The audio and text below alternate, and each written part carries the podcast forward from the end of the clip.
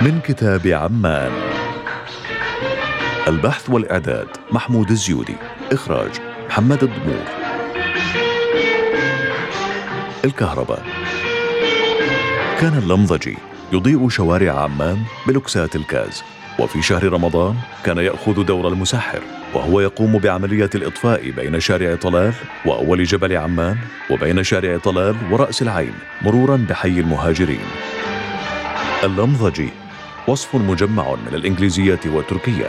لمبة من لامب التي تعني المصباح باللاتينية.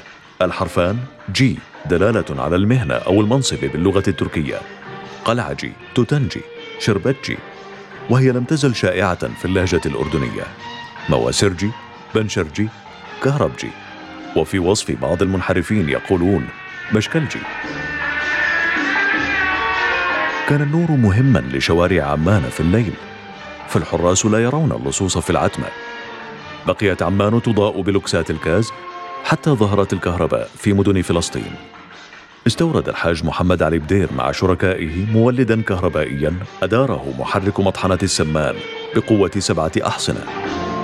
في النهار كان يدير المطحنة وفي الليل يدير مولد الكهرباء الذي أضاء مصابيح 300 عمود في شوارع عمان.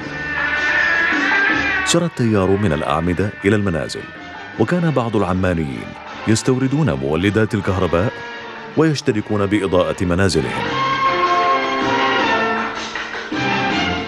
تطورت الكهرباء بتجمع مالكي المولدات المتناثرة ليصبحوا مساهمين في شركة الكهرباء الأردنية التي امتلكت قطعة أرض في رأس العين أقامت عليها أولى المولدات الكبيرة التي أضاءت جميع شوارع عمان ومنازلها.